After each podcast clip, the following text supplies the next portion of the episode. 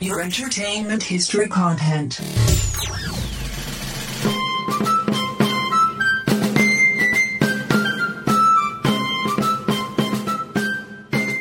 Indonesia adalah negara yang besar dengan 17.000 lebih pulau di mana terdiri dari banyak suku bangsa, bahasa, dan juga keberagaman masyarakatnya.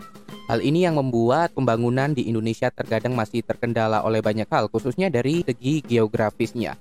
Bagaimanakah kita memahami pembangunan infrastruktur di Indonesia yang bermanfaat bagi masyarakatnya? Kami akan membahasnya bersama saya Didin Saya Iqbal. di episode podcast Tahu Kemarin kali ini. Kondisi geografis di Indonesia tuh banyak banget dan beragam banget gitu ya, Bal. Iya, betul. Dari mulai pegunungan, eh, dataran tinggi sampai ke dataran rendah juga di daerah-daerah pelosok atau yang mungkin sering kita sebut daerah 3T gitu ya. Iya, betul. Daerah 3T. Nah, hal ini juga yang membuat terkadang eh, pembangunan, pemerataan pendidikan, fasilitas kesehatan dan lain-lain itu kayak kurang merata antara satu daerah dan daerah lain. Juga konektivitas antar daerah nih yang terkadang juga masih terhambat. Hal ini mungkin terlihat sederhana gitu, tapi sebenarnya memiliki efek yang beruntun. Khususnya untuk daerah 3T itu tadi sih, Din, yaitu daerah tertinggal, terdepan dan terluar Indonesia. Nah, itu benar. Hal inilah yang sebenarnya harus menjadi perhatian khusus begitu ya. Bagaimana melakukan pemerataan baik di bidang pembangunan, pendidikan dan lain-lain, juga kesehatan, juga fasilitas, teknologi, digital dan sebagainya begitu. Banyak sudah pembangunan infrastruktur yang dilakukan oleh pemerintah kita dalam beberapa tahun terakhir ini, Bal. Ya, banyak sekali ya khususnya di bidang infrastruktur untuk eh, transportasi mungkin ya. Jadi Nah, benar. mungkin yang paling paling ditekan oleh pemerintah selama beberapa tahun terakhir ini. Sebenarnya kalau kita bahas tentang pembangunan infrastruktur dan juga manfaatnya sebenarnya kita mungkin harus bahas dulu nih masalahnya. Kenapa sih pemerintah harus Iya. bangun infrastruktur dan kenapa kita harus dukung gitu? Betul, kita bahas latar belakangnya dulu ya, Din. Kenapa kita harus dukung pembangunan infrastruktur yang diadakan pemerintah ditekan bertahun-tahun ini? Hmm, benar. Hal pertama mungkin yang menjadi sorotan kita yaitu tadi permasalahan geografis tentu saja gitu ya. Iya, betul. Dari antar daerah yang mungkin kayak kalau kita eh, ke daerah satu ke daerah lain terpisah oleh laut gitu. Iya, Padahal benar. harusnya laut menyatukan kita gitu ya. Harusnya bukan mem- itu. bukan mem- bukan memisahkan. bukan memisahkan harusnya eh, memudahkan kita untuk berbagai macam segala macam sisi kehidupan gitu kan Nah, jadi untuk laut juga artinya kita butuh infrastruktur di bidang laut gitu misalnya Betul. dan juga untuk daerah-daerah tertinggal mungkin juga butuh bandara dan sebagainya. Banyaklah Iya. permasalahan geografis yang sampai saat ini mungkin juga belum terselesaikan meskipun sudah masif seperti ini. Betul. Selanjutnya adalah seperti apa ya? Macam konek- konektivitas mungkin kita sebutnya. betul betul jadi untuk di era digital ini kan masyarakat semuanya kita hidup di melalui di dunia maya ya khususnya ya jadi di lingkungan kita sendiri belum tersedia konektivitas untuk kita masuk ke dalam dunia maya itu yang tidak bisa memudahkan kita untuk menjalani eh, kehidupan kita gitu Nah, itu itu tentang berarti ya untuk konek- konektivitas di untuk digitalnya gitu ya. khususnya internet ya Din. Nah, gitu. Tapi juga ini, Bal, yang eh, kita bisa soroti konektivitas antar daerah maksudnya kayak dari alur distribusi dari desa ke Ah, kota iya, betul gitu dan sebagainya. Sehingga kalau ada infrastruktur tuh sebenarnya harga-harga yang harusnya didapatkan itu bisa lebih murah Iya, gitu. yang harusnya di Pulau Jawa berapa di Pulau. Jadi ketimpangan ketimpangan harga itu juga yang Nah, gitu. bisa ditekan kalau infrastruktur di pulau-pulau terpencil kita mungkin sudah memadai gitu. Bener, juga suppliernya seperti petani. Sebenarnya mereka juga kalau berhubungan dengan digital tadi, misalnya langsung bisa dijual ke kota tanpa harus eh, menempuh alur distribusi yang panjang dan berbelit-belit itu sebenarnya mereka juga menguntungkan petani tuh, Bal. Iya pasti untung ya. Jadi untuk petani sendiri kalaupun mereka tidak harus melalui tengkulak yang biasanya kan sangat mahal sekali untuk menarik Nah, benar. Iya betul kan. Tadi kalau infrastrukturnya sudah maju, perkembangan dari transportasinya juga sudah maju, sudah bagus di daerah-daerah terpencil, petani bisa membawa sendiri dan memasarkan sendiri segala macam Hasil ya hasil, buminya hasil gitu ya. buminya gitu seperti itu. Mungkin lebih mudah karena memang betul sih ya kalau yang saya lihat di yang sudah dilakukan pemerintah beberapa eh, Hmm. lima tahun pemerintahan kita yang saat ini sangat bagus sekali. Jadi untuk transportasi di pulau-pulau terpencil kita juga sudah mulai maju kok. Jadi beberapa petani dan nelayan juga bersyukur akan kekayaan alamnya mereka sudah Hmm. bisa terjual dengan bagus. Nah, gitu. jadi supaya nggak nggak terjadi ketimpangan harga, Iya, nah, betul, petani misalnya tadi. jualnya berapa nih atau nelayan jualnya berapa? produksinya juga kan mahal sekali kan Eh, dari sampai di kota tiba-tiba harganya melambung gitu. Padahal Betul, petani iya. dapatnya dapatnya dikit gitu kan. Itu Iya, kalau betul. salah satu manfaat infrastruktur tuh memotong hal seperti itu tuh. Jadi Iya. ada multiplier effect sebenarnya betul. sampai ke tingkat ekonomi dan juga kesejahteraan gitu.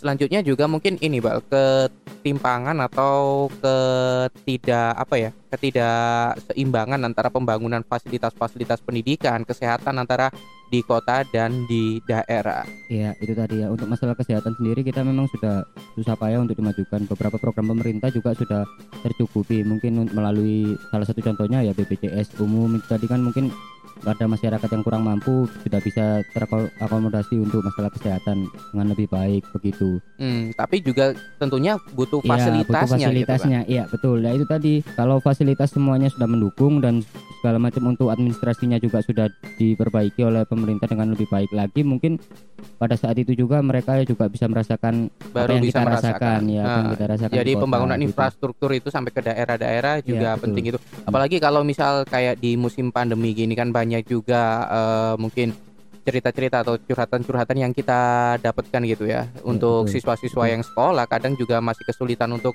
akses internet, akses Iya, iya, listrik iya, betul, begitu betul. dan Hmm. juga bahkan untuk pasien-pasien yang terpa dampak gitu ya dari COVID-19 sendiri juga di daerah-daerah kalau fasilitasnya nggak memadaikan kasihan juga. Oleh karena juga, itu iya. pembangunan infrastruktur Iya, mereka jadi nggak bisa sekolah kan, jadi mereka Hmm. tidak merasa merasakan pendidikan kalau memang internet tidak masuk karena beberapa sekolah sekarang kan semuanya hampir semuanya menerapkan sistem online. Nah, mau nggak mau harus harus dibangun Iya, juga betul. gitu. Endingnya tetap mau nggak mau, pertimbangannya apa pun tetap harus dibangun gitu. Iya. Dan eh, sejauh ini pembangunan dari pemerintah, menurut kita, menurut Iqbal gimana? Bang? Ya menurutku sudah cukup baik ya. Jadi kalau kita orang-orang di Pulau Jawa ini sendiri mengeluhkan beberapa jalanan yang apa namanya itu yang rusak atau beberapa jalan yang bergelombang seperti itu bagaimana dengan saudara-saudara kita yang ada di pelosok-pelosok gitu yang yang tidak Hmm. bahkan jalan pun masih pakai tanah jadi jalannya masih tanah jadi menurut saya saat ini sih saat menurut saya sendiri ya yang sudah berjalan ke mana pun di Indonesia ini saya sudah pernah merasakan di Pulau Sumatera di Pulau Kalimantan dan di mana pun semuanya Hmm. jadi menurut saya secara umum sih gambarannya sudah lebih baik ya walaupun masih ada mungkin beberapa tempat-tempat yang belum ter Belum terjamah ya, gitu. belum terjamah oleh Pembangunan oleh pembangunan infrastruktur. mungkin memang bukan belum belum saja tapi sudah direncanakan mungkin seperti itu sih Hmm. jadi Iya benar. Dan juga kalau kayak di Jawa sendiri misalnya dari pembangunan Iya, tol ya. nah, Tol tol itu Trans luar Jawa itu yang sebenarnya kerasa banget bagi Oh, kita ya banget. dari utara itu. Iya. Kalau kayak kita pulang kampung dulu misalnya eh, pulang kampung waktu hari raya itu kadang ke kampung di Madiun gitu. Kalau Iya, saya betul. itu butuh waktu 5 sampai 4 atau 5 jam gitu. Sekarang Sekarang udah udah- udah udah leb- lebih cepat gitu dan lebih praktis gitu dan itu kan jadinya arus penumpang dan arus barang jadi lebih cepat gitu juga Iya, kan. Dan iya, itu yang akhirnya sampainya. bikin harga juga Iya, harga juga lebih stabil lebih lebih bisa Nah. ditekan kan gitu nah, jadi kalau memang kalau untuk jalan sih ya kalau untuk apalagi terutama di jalan tol ya untuk pemerintah sendiri kan sudah ribuan kilometer yang sudah dibangun kan selama lima tahun ini sendiri kan sudah ribuan kilometer yang sudah dibangun untuk jalan tol baru bukan hanya di Pulau Jawa sih di Sumatera bahkan di Papua pun pemerintah juga sudah Nah, merencanakan jalan Trans tol Papua itu Trans ya. Papua itu tadi kan kembali Jadi, lagi harus mengedepankan juga aspek keadilan gitu ya dalam iya, pembangunan. iya. tidak ada ketimpangan di sini jadi Hmm. pemerintah sangat-sangat adil menurut menurut saya yang sudah dibangun saat ini sudah cukup un- untuk kita menikmatinya gitu loh jadi untuk kita untuk bersyukur jadi ke depannya kita harus mendukung penuh kebijakan-kebijakan yang sudah dirancang pemerintah lewat infrastruktur itu tadi Hmm. Dan juga untuk ini sebenarnya kalau dari pembangunan di daerah sendiri itu juga memiliki dampak atau impact yang sebenarnya bisa dirasakan langsung oleh masyarakat gitu. Seperti yang kita tahu gitu Bal dari eh, Kementerian PUPR itu kan ada yang namanya program padat karya tunai atau PKT. PKT, ya. Nah, benar. Jadi program ini tuh melibatkan masyarakat langsung untuk pembangunan-pembangunan infrastruktur di daerah. itu sudah hampir 400 ribu kan katanya ya, Benar. yang Iya. Menyerap tenaga kerja hampir 400 ribu orang Bener, menyerap Oh, tenaga biasa kerja gitu. atau melibatkan orang hampir 400 ribuan gitu lah ya Iya. dari kapan data yang kita dapatkan kapan hari itu yang kita baca dan juga dana yang disalurkan ini juga triliunan, hampir 6 Hmm. 6 triliun lebih gitu untuk eh, penyaluran khusus PKT-nya saja program padat karya tunai. Padahal program pemerintah bukan hanya PKT kan ya banyak sekali kan untuk dirancang itu tadi untuk Bener. di, di bidang infrastruktur. Ini yang impactnya langsung kerasa aja kayak Iya, kayak iya. PKT gitu dan juga mungkin sederhananya kalau ada kayak orang bangun-bangun jalan tol atau apa gitu kan pasti masyarakat sekitar bisa bantu kayak bisa berdagang di sekitarnya Iya, atau apa gitu kan itu juga bisa terasa dan efek dari pembangunan yang sudah dibangun yang secara masif dibangun oleh pemerintah ini juga nggak kecil sebenarnya Bal. Ada data yang kita dapatkan di sini pertumbuhan penumpang angkutan udara dari tahun 2014 ke tahun 2017 tuh terjadi kenaikan 6,5 persen. Sementara kereta api naik 8,9 persen, penyeberangan naik 1,3 persen, dan penumpang Damri naik 1,7 persen. Jadi kalau dari data ini aja udah sangat terasa gitu ya. Iya. Dari arus penumpang, belum lagi juga arus barang, eh, mobilitas masyarakat makin cepat, mungkin juga ber- berdampak pada daya saing yang semakin meningkat gitu, Bang. Iya betul. Jadi kalau untuk seperti kereta di kereta api naik 8,9 persen ini kenaikan yang benar-benar masif ya. Jadi ini benar-benar sangat bagus untuk pertumbuhan kereta api. Yang aku lihat juga di ini jadi di bukan hanya untuk di bidang jalan raya ya. Jadi pemerintah itu sendiri juga memperbaiki beberapa apa namanya ini beberapa rel-rel kereta api dan juga gerbong-gerbong yang sudah lama-lama itu semuanya diperbarui dengan bagus. Jadi didaur ulang sebagaimana lebih bagus lagi gitu kan. Jadi kita dampaknya itu di kereta api sekarang kan jauh berbeda dengan kereta api Benar, beberapa benar. tahun yang Beberapa tahun yang lalu Iya. ya. Kalau kalau kita naik kayak kereta api lokal Jawa Timuran eh, apa sih? Doho bukan ya? Iya, doho, Doho, doho. Doho penataran itu kan Iya. beberapa tahun yang lalu udah kumuh gitu dan Betul. sekarang udah udah nyaman banget Hmm. gitu bahkan kayak perjalanan jauh yang dengan kelas ekonomi kayak Surabaya Banyuwangi dengan Probowangi atau Surabaya mana itu udah nyaman banget gitu bang Kalau untuk kereta api saya yang merasakan dampaknya langsung. Jadi dulu itu saya hampir dari SMA sampai kuliah itu harus satu satu tahun atau dalam waktu satu tahun itu dua atau tiga kali saya ke Jakarta ya menaiki kereta kayak baru itu kan kayak baru malam selatan Hmm. itu. Jadi kalau dulu itu rasanya kalau mau cari duduk kalau nggak cepat-cepat gitu kita nggak akan iya dapat benar duduk ya. kadang kita dapat tiket duduk Iya, aja dapatnya iya. berdiri gitu Duduk dapatnya berdiri walaupun kita pegang tiket ya dan di tiket pun tidak ada nomornya kan bener gitu. jadi eh, ya jadi Jadi di kereta terjadi kadang-kadang- hukum rimba gitu Iya, kadang-kadang kita tidur di bawah gitu kan dilangkah-langkahi sama orang-orang yang berjualan, sama orang-orang yang sapu-sapu. Wah, banyak lah pengalaman-pengalaman itu.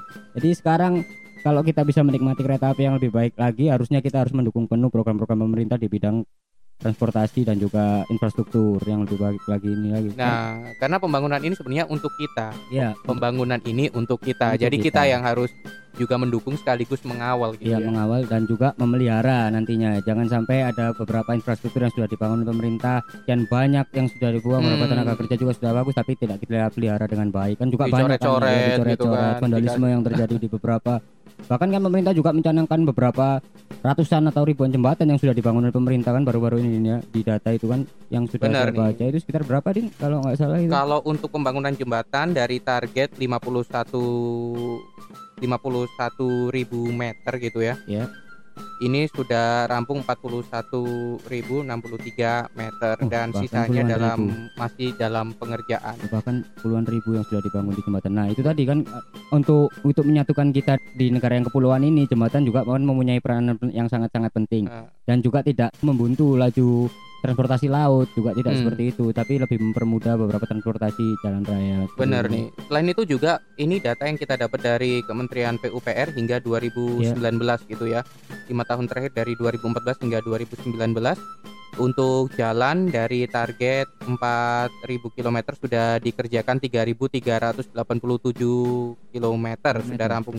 Sisanya masih dalam pengerjaan sementara untuk jalan tol dari target 1.852 km sudah dikerjakan kurang lebih 780 kilometeran.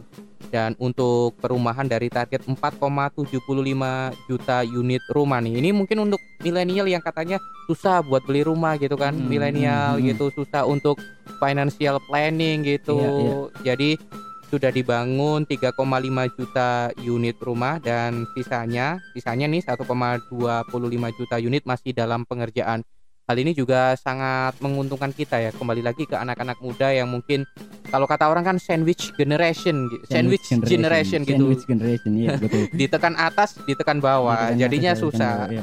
nah Susah berkembang kalau kalau mereka tidak disediai infrastruktur yang memadai mereka akan susah berkembang juga karena generasi sekarang kan nggak kayak generasi dulu yang tingkat kematangan untuk mereka bersosialisasi dengan orang-orang banyak kan kalau sekarang kan sosialisasi lewat digital semua ya Din ya. jadi Nah, benar. iya. Nah, generasi saat ini juga lebih butuh apa ya pemahaman untuk pengaturan keuangan yang Iya, lebih baik iya, itu gitu tadi ya. yang saya maksudkan itu tadi kan. Jadi dengan dibangunnya nantinya 4,75 juta unit rumah baru kan ini. Hmm, jadi dari pemerintah itu kan otomatis nantinya kan mereka kan pasti berkeluarga. Jadi sudah bi- bisa hampir 10 juta keluarga yang akan Hmm. bisa ditampung di situ kan gitu. Tidak mungkin kan satu apa namanya itu satu orang memiliki satu rumah pasti kan satu satu rumah Satu, untuk satu iya. keluarga kan Benar Gitu. dan ini juga mungkin juga sedikit angin segar gitu ya Angin dari segar. apalagi Untuk kalau untuk eh, metode kreditnya juga dipermudah gitu Nah, kan. iya, ya itu yang kita harapkan sih Dan juga untuk data lainnya yang bisa kita dapatkan di sini adalah pertumbuhan angkutan barang dari 2014 hingga 2017 melalui jalur darat diklaim naik 3%, jalur angkutan laut naik 3% dan angkutan udara naik 2,7%. ini Hal- untuk yang barang ya ini Hmm, ah, ini Oh. untuk benar untuk angkutan barang. Jadi kayaknya suplai barang jadi lebih mudah gitu ya. iya iya iya Multiplier efeknya kerasa lagi ke harga sih ya kalau untuk barang karena kan kembali lagi ke digital itu tadi ya karena sekarang sistem perdagangan kita dan juga segala macam ekonomi kita kan melajunya lewat online. Nah, segala segala macam kan lewat digital. Jadi itu tadi kenapa dengan infrastruktur melalui angkutan barang yang semakin meningkat otomatis kan ketersediaan kita dan juga eh, kebutuhan kita akan perdagangan digital ini kan akan lebih baik lagi gitu kan ya Bener. Jadi kalau kayak kita misal ada saudara kita di daerah yang mungkin masih sulit gitu ya, tapi kalau nggak dibangunin infrastruktur, percuma juga mereka dapat internet gitu kan. Iya, Karena iya. buat belanja online dikirimnya lewat apa gitu kan. Iya betul betul itu tadi kan Jadi, Nah. makanya itu kan kembali lagi ke digital itu tadi kembali Nah, bener. Nah, untuk masalah ngomong-ngomong masalah digital nih, Bal, kita juga harus memperhatikan atau memahami tentang pembangunan infrastruktur digital. Iya. Atau beberapa waktu yang lalu ada istilah yang tren tuh, apa din tol langit. Oh iya, iya sih itu tadi yang makanya dari tadi kita bahas masalah digital digital terus saya jadi inget tol langit ini tadi kan. Yang dulunya waktu awal-awal di waktu awal-awal dicanangkan oleh pemerintah saya dengarnya tol langit saya mikirnya kan wah apa ini tol langit apakah kita bangun jembatan yang tinggi-tinggi di atas di atas laut seperti itu ternyata Hmm. ini semua kembali lagi ke digital itu tadi era modern yaitu pembangunan serat fiber optik ke daerah-daerah terpencil kan untuk untuk bisa memenuhi Akses. kebutuhan akses internet seluruh Indonesia itu tadi kan. Benar, kembali lagi ini adalah untuk memenuhi asas keadilan sosial bagi seluruh rakyat Iya. Indonesia mestinya ya. Hmm. Jadi bukan orang-orang kota aja atau kota-kota besar aja nih yang bisa menikmati akses internet, mendapatkan informasi, mendapatkan hal-hal yang Iya. bermanfaat gitu, hiburan juga dan sebagainya. Tapi saudara-saudara kita yang di daerah juga udah perlu nih, udah mepet banget kayak buat Betul, pendidikan, buat sekolah aja, buat eh, kerja dari rumah, buat beli barang, buat hiburan juga mereka juga udah perlu. Dan hal ini juga makin menarik karena dari data yang kita dapatkan pengguna internet di Indonesia tuh sudah mencapai 64% atau 175 juta orang Wah, dari 272 juta.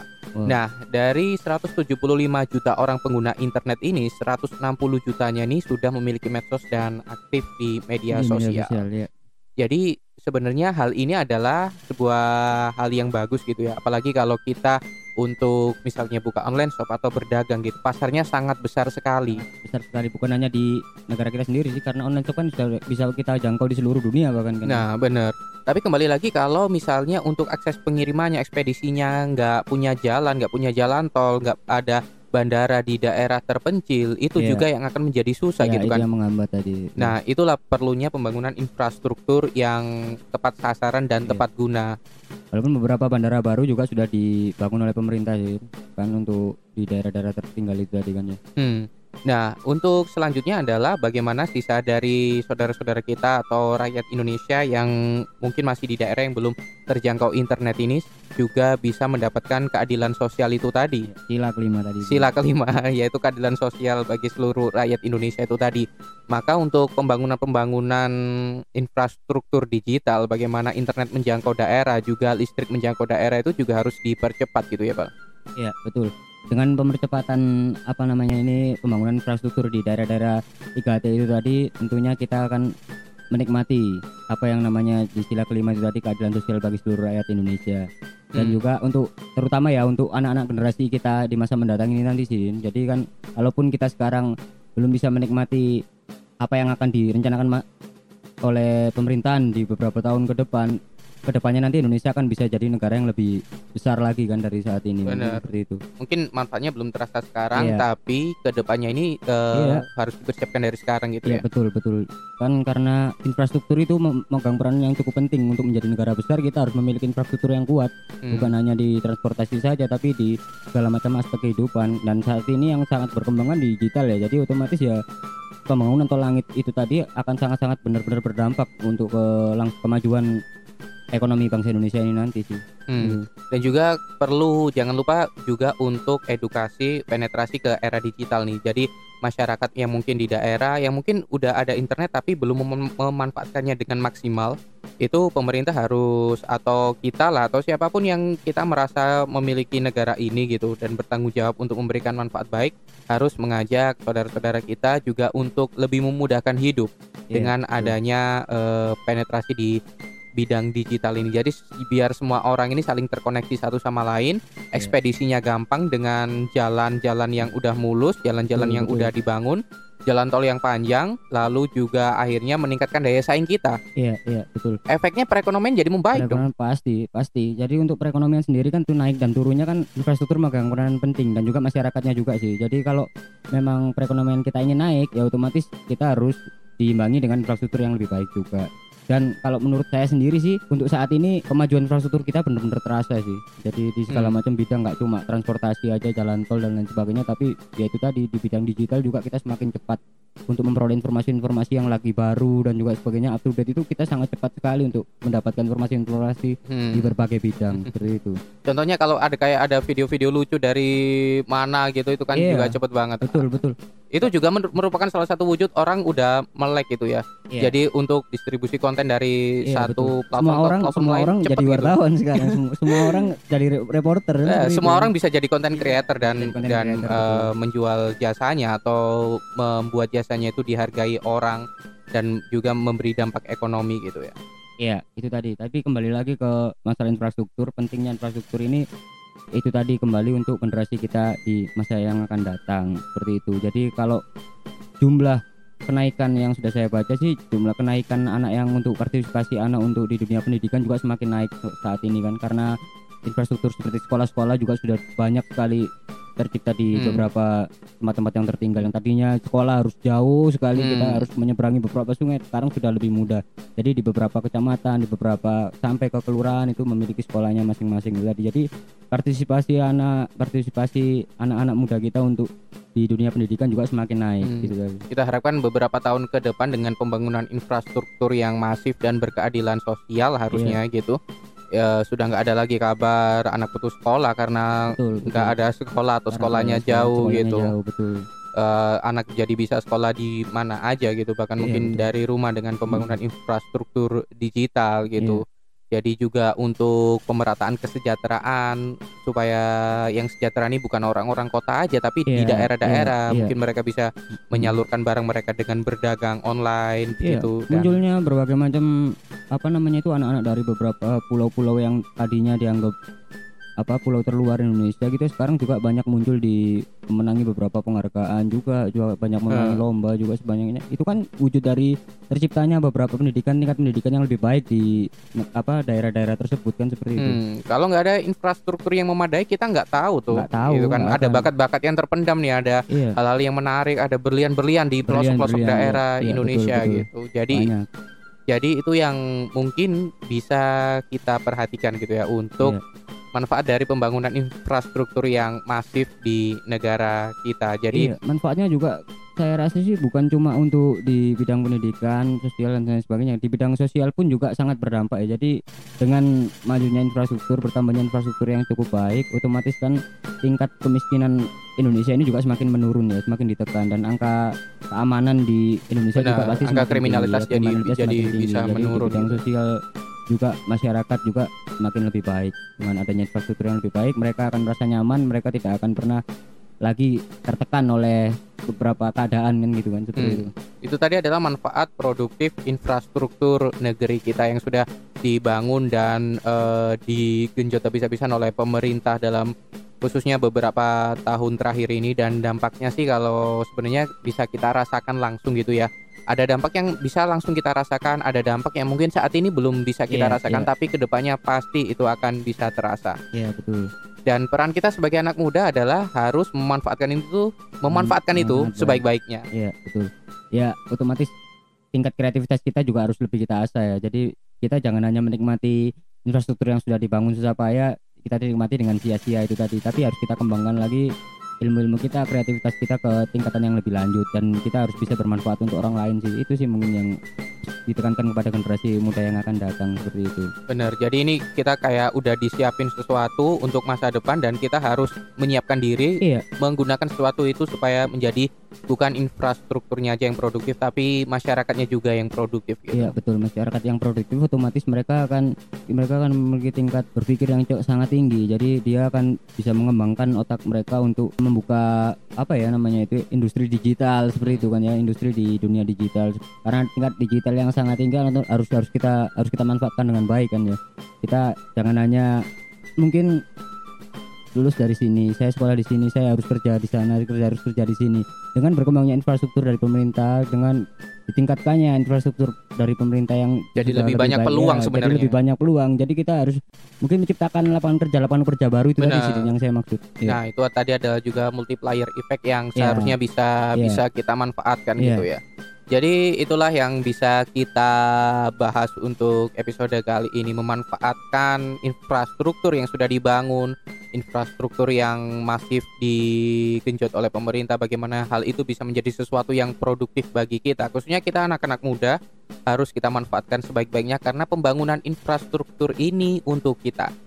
Iya, betul pembangunan infrastruktur ini untuk kita dan juga jangan lupa untuk kita harus mengawal pembangunannya jangan sampai terjadi hal-hal yang nggak yang nggak diinginkan Iya begitu. betul, bukan hanya mengawal. Kalau menurut saya sih kita juga harus memelihara itu tadi sih, Din. Karena memelihara itu kayaknya lebih susah ya. Kalau men- kalau mental kita lebih baik lagi karena kita sudah memiliki infrastruktur yang sudah lebih baik seperti sekarang ini. Ayo kita jaga sama-sama ya. Kalau kalau kereta apinya baru bagus-bagus gitu ya jangan di Jangan. ya jangan dicoret-coret. Kalau ada jembatan baru ya jangan jangan sampai ada coretan-coretan. Karena kan anak muda kita kan kadang-kadang terlalu kreatif ya. benar Jadi terlalu kreatif Ya, ya, karena terlalu kreatif kadang-kadang mereka salah tempat kan seperti itu. Jadi ayo kita jaga sama-sama yang yang sudah dibangun pemerintah dengan susah payah ini karena bukan hanya untuk kita tapi itu untuk generasi-generasi setelah kita nantinya. benar itu akan Jadi, menjadi sebuah warisan yang Iya. turun temurun dan Iya, yang akan dinikmati oleh anak cucu kita ke depannya nanti kan, Din. benar dan juga untuk eh, kembali lagi konektivitas ini akan menyatukan negara kita jadi eh, seperti kita antara satu daerah dengan daerah lain lebih dekat satu budaya dengan budaya lain lebih dekat suku bangsa dengan suku bangsa lain lebih dekat ini jadi kayak sumpah palapanya Gajah Mada gitu Iya, betul. Menyatukan Nusantara. Nusantara. Iya, benar jadi Ya mungkin itu memang tujuan dari pemerintah kita kan kita kan juga kan kita kan juga kan mengandai-andai saja ya dengan pembangunan infrastruktur yang sudah sangat kompleks ini dibangun di negara kita ini otomatis apalagi yang harus kita capai selain apa persatuan dari beberapa banyak sekali suku yang ada di Indonesia ini tadi. Kalau kita sudah bersatu wah kalau saya pikir-pikir ini ya kalau negara-negara besar mana pun tidak ada yang tidak bisa kita lawan kan seperti itu. Bukan lawan dalam artian negatif tapi untuk daya daya, Daya sumber saing. ya daya saingnya di bidang perdagangan dan lain sebagainya kita akan wah untuk beberapa tahun ke depan sih saya optimis bahwa bangsa Indonesia akan untuk setara dengan negara-negara besar lain seperti itu sih. Oke, baik itulah yang bisa kita sampaikan untuk episode kali ini. Jangan lupa untuk selalu memanfaatkan pembangunan agar kita lebih produktif, memba- Ya. memanfaatkan pembangunan supaya pembangunan ini bisa dirasakan juga bukan hanya oleh kita tapi juga anak cucu kita Iya, karena pembangunan infrastruktur ini untuk kita. Kita harus ikut berpartisipasi dalam pembangunan yang sudah dilaksanakan oleh pemerintah kita ini dan kita harus mendukung penuh. Jadi kritik boleh tapi kita harus tetap mengedepankan aspek persatuan itu tadi. Jadi Benar. kalau niatnya positif ya harus kita dukung sama-sama dan juga kita jaga sama-sama itu tadi sih. Baik, manfaatkan, kawal dan awasi gitu mungkin ya Iya. kata-kata yang tepat. Karena ini untuk siapa Din? Ini untuk kita. Oke, ini untuk kita. Baik, terima kasih untuk kalian yang sudah menyimak podcast kita di episode kali ini. Jangan lupa juga untuk selalu simak dan nantikan podcast kita di episode-episode berikutnya karena masih banyak hal-hal menarik siap. yang akan kita bahas. Saya Didin, Saya Iqbal. kami undur diri. Terima kasih dan sampai jumpa.